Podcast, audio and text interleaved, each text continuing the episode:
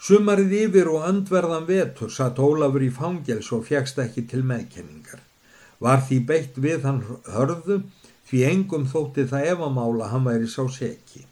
Arelius lá allan þann tíma veikur á spítalanum og hafði Ólafur geta skrifað honum bref úr fangelsinu að hann hliti að ferðast til Flandern og skildi Arelius því ekki undrast að hann ekki kæmi á fund Svo fóru Ólafur linaðist við pyntingarnar og let á sér skilja hann myndi ekki með öllu saklaus og leið því að þeim tíma hann átt að dæmast og var honum hótað hörðum dómi fyrir það að hann svo lengi hefði þverskallast. Alla daga voru lauruglu þjónarnir á veiðum eftir bófum þeim sem sér að Guðmundur hafi sagt til og hafi það þessu verið til ónýtis. Voru þeir því komnir á þá trú að áklagandi myndi vera vinur Óla Mags þess sem í fangelsinu var og þá sjálfsagt honum meðsekur og hefði þess vegna logið öllum sínum framburði til að bæta kjör hans ef verða mætti. Þótti þeim því ekki hvað minnst í varð að ná þeim sakadólg en hann höfðu þeir ekki heldur séð síðan. Eitt dag sem oftar var Pettersen á gangi og sparaði þá ekki sem ætið að brúka eiru og augu vel. Hann heyri þá háristi nokkur og namn staðar til að hlusta. Þú rasphús kórdjákni, þorir þú að smána svona heiðursverða kvennmannspersonu. Hefur það ekki betur vita og bera lotningu fyrir fríðakinninu. Það þyrti meistari löðrungur að kenna þér. Í því herði Pettersen skell og gekk til að sjá hverjir ættu þennan ókurteislega leik saman. Þegar hann kom nær sá hann gömlu móður hannu og mann hjá henni. Þegar hún kom auð á Pettersen hún Þarna kemur laurugli þjóttnin, það er best að hann fá að vita hvaða nettur þú ert í framgönguðinni við sómakonur. Þegar hanna gamla nefndi laurugli þjón tók maðurinn á rás og hljópetti strætinu sem var ærið langt, þanga til húshort kæmi sem hann gæti beitt fyrir. Pettersen þurfti nú líka að flýta sér og hljópa á eftir manninum og kallaði að taka hann. Þar voru ímsir eh, nálægir þénustu viljugir sem hlupu til og greipu mannin. Svo hafði sér að Guðmundur nákamlega líst mönnunum að Petersen gatt alls ekki efast um að þetta væri annar þeirra og var hann því þegar fluttur í fangelsi. Þennan sama dag sem maðurinn náðist átti að verða feldur álíktunar dómur yfir Ólafi en þegar að maðurinn náðist var því frestað því hann átti líka yfir heyrast áður. Þessa daga kom Arelius úr sjúkrásin og var orðin sæmilega heilbreyður. Þegar hann kom heim þanga sem þeir höfðu búið saman frændur, sá hann vexumerki, herbergi var þá enn innsiklað. Hann grunnaði því hvað um var að vera og fór til húsráðandans. Þar fekk hann að vita eða sanna og varð mjög byllt við. Sama daginn var maður sá er Pettersen tók síðast yfirherður á samt Ólafi. Þangað gekk Arilius og fekk leiði til að koma inn.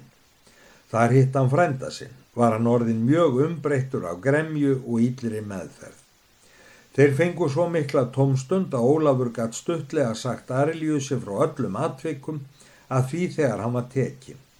Hann sagði ítla meðferð valda því að hann hefði linast með að þræta en enga veginn sekt sína og þykir mér nú að því komið að ég verði dæmdur í þrælkunarvinnu, segir hann, og þykir mér það gleðilegt hjá því ef ég væri sekurdæmdur og hliti svo að líða bæði innvortis og útvortis. Arelius stundi við og síndist Óla sem eldur brinni úr augum hans. Í því byti dómarinn sér hljóðs og skipaði að leiða Óla fram. Þekki þér nokkuð þennan mann Max, spurði hann og benti á hinn sem yfirheyrast átti. Nei, mér sínist að sönna að ég hafi séð hann fyrr heima í Flandern en það getur vel hafi verið annar honum líkur. Eftir það snýri dómarinn sér við og spurði hvað heitir þú? Ég heiti Marts. Hvaðan ertu? Ég er frá Flandern. Þekkjurðu nokkuð þennan Max? Nei, ég hef aldrei séð hann fyrir. Hver er handiðin þín? Öll slitverk sem fyrir koma, aka, bera, draga, móka, grafa, riðja og rýfa. Svona, svona, hvað á þessi mælgi það er nóg. En hvað vildir þú hinga til kaupanafnar? Nú til að fá mér vinnu. Eftir margar fleiri spurningar sem Marts svaraði heiklust og skilmerkilega saði dómarinn. Hér var lögð fram skrifleg lýsing af þér sem ómótsegjanlega sínist að vera rétt og eiga heima hjá þér, jamt að klæðnaði sem líkamskapnaði. Þar með fylgir vittninsburðurum að þú hafið verið séður á samt öðrum til í tortryggilegri síslan nefnilega skipta peningum og sínist svo sem samtal ykkar hafi líst því að peningarnir myndu varla vel fengnir og skulum við þá taka lýsinguna til samanburðar. Gjörið þér svo vel að lesa hana herra málafærslumadur. Blá treyja gömul, rifin og bætt með mórauðum kraga, sem ég er í gegnum vasasjónauka sínist móra í lús. Stendur heima, Svei statt ekki svona nærri mér, saði dómarinn og var þó dómringurinn á millið þeirra. Og svo, mórauðar buksur með gati á kníenu, eins fullar af óþverra. Stendur heima, stattu ögg fjær mér svín. Og svo, á hagra fætti stígvél en á vinstra fætti skór sem náðu fyrir ökla og engi sokkar. Það sá ég þegar hann satt og buksurnar kiftust upp. Tógað upp buksurnar og látt ekki djöflan að hrinja við þeim á gólfið. Stendur heima og hvað svo? Móraut vesti gljáand af óþvoti og sömu óverkum. Stendur heima, neftu að þér treyju skrattanum og hvað svo? Strega dröslaðum hálsin. Stendur heima, hvað svo? Loðin húuræfil mun hafa verið svört en mér sínist grá af lús. Hvar er húan? Kondu með hana, stendur heima og sussusus, ægi flegið henn út og svo Vöxturinn lágur og gildur en fremur ljótur. Réttuði upp, stendur heima og svo. Kinnaliturinn öskugrár. Nú verðt ekki svona niðurlút, stendur heima og svo. Nefið heldur stórt, liður á því miðju, bógið út á vinstri hlið með stóra nasir. Það sá ég þegar hann leitt upp á eittir hrafni sem flögðar hjá.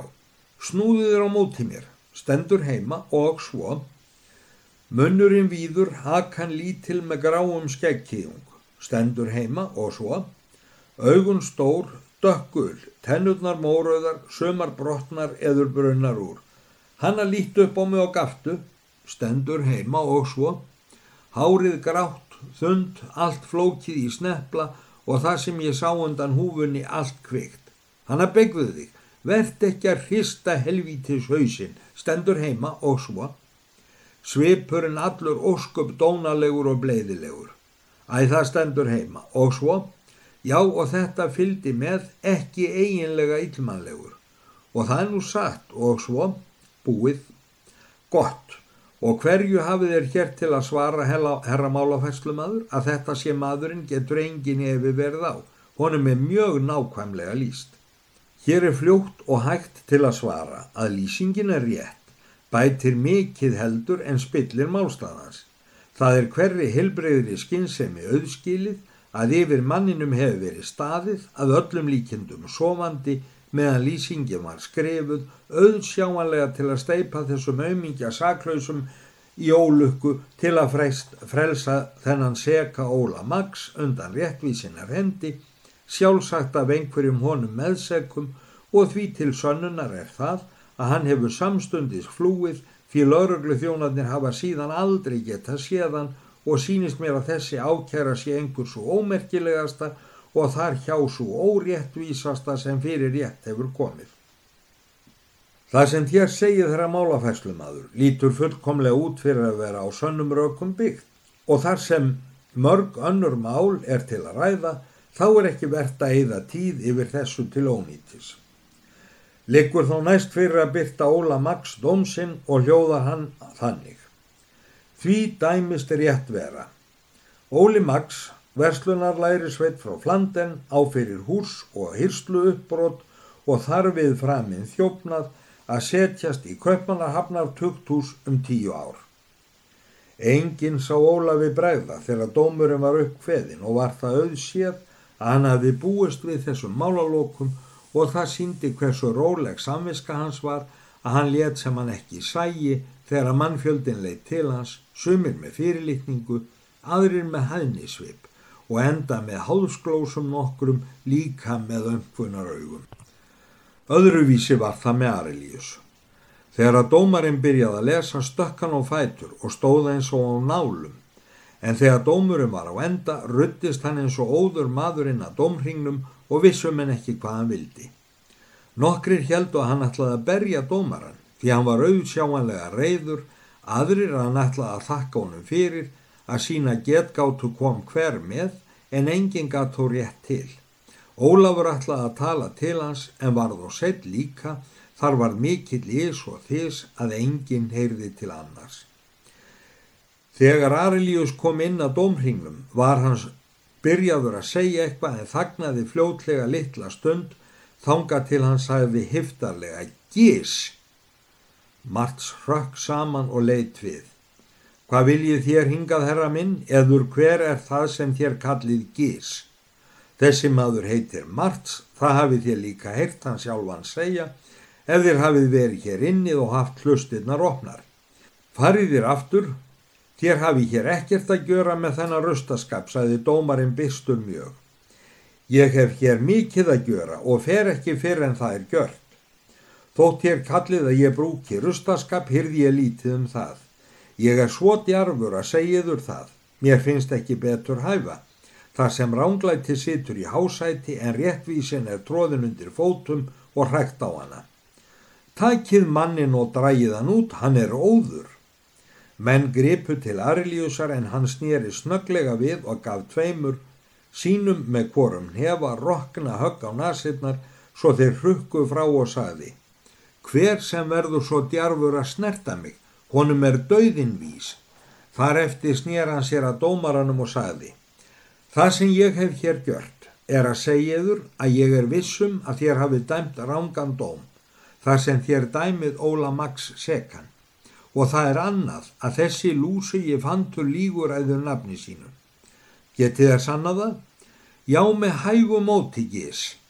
Hér sérðu nú drengin sem þú seldir í ræningja hendur áttavetra gamlan. Það er ég. Þá og þar sá ég móður mína sem þú litlu áður hafði svikið í sömun íðingsendur svo að segja myrta fyrir augunum á mér. Nú er hegningartímin komin. Nú má og skal réttvísin fá framgang. Ég hef nóg vittni á mótið þér. Ræningjaflokkur sá sem þú hafðir mökvið er nú unnin og margir á honum ornir frjálsir menn og fúsir til að vittna á mótið þér. Þeir segja að þú sért orsaukin í mörgum þeim ránum sem þeir fröndu því að þú leiðbendir þeim hvar og hvenar tækifæri væri að gjöra ílverkin og tókst svo þinn part af því stólna, án þess fyrir bleiðiskap að þóra að taka annan þátt í því en með sveikum og undirferli og sumir af þeim eru svo eðalundaðir að þeir hafa því í fyrirlitningu fyrir mannvonsku sín þína. Gjörðu nú annarkvort, meðkendu allan þinn lifnað hér strax fyrir þessum domstóli þótt hann nýlega reyndist ránglátur og þá líklega færðu þann dóm sem ekki krefst lífstíns eða komdu með mér til Flandern, þar skal ég sjá til þess að þú fáir kvalarfullan döðdaga og það vildi ég heldur, því að ég er, það játa ég, þyrstur ég að sjá blóðið þínu útheld. En hvort sem þú ræður af, þá segð þú strax með hverjum hætti þú komst Óla Max í þess ógæfu, því það liggur fast í huga mínum að þú og engin annar sért orsök að rakningja hans. Gís var nýjen niður, náfölur og svaraði engu orði. Allir viðstattir þögðu, svo ekki heyrðist stuna eður hósti meðan Arilíus talaði, ekki frekar heldur en í döðsmanns gröf og dómarinn var eins og hann væri sjálfur nýdæmdur. Nú krefst ég af yður, herra dómari, tók Arilíus aftur til máls með tegnalegri lödd, að þér yfirheyrið gís hér í svo margra votta viðurvist sem yður þykir hæfilegt. Fyrir utan mig og Óla Max, svo sakleysi Óla verði augljóst. Mér sínist nú maðurinn íllafær til yfirheyslu sem hann er nú, sagði dómari með nokkurs konar undanfærslu og tregðu. Ég veit ráð við því og skal sjálfur annast um það, sagði Arilíus Vék sér að úlingspilti sem stóð þar hjá og talaði við hann okkur orð. Pilturinn hljóp út og kom innan skams aftur með þryggja pela flösku.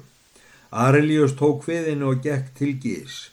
Þessir drópar eru því vist hotlastir allra livja og þeim muntu vanastur. Gís tók við með skjálfandi hendi og lyktaði af. Arilius tók aftur flöskuna, setti stútin í munnin á Gís og sagði Þetta verk er ég þó vissum að þú kann sjálfur, þó þú komir því ekki fyrir því núna. Gís slokaði nú stórum og lifnaði allur við ádrykkjuna og beitist síðan eftir að meiga byrja sögu sína. Var þá fólki skipað að ganga út úr salnum en það fór margur nauðugur því að flesta fýsti að heyra sögu gís.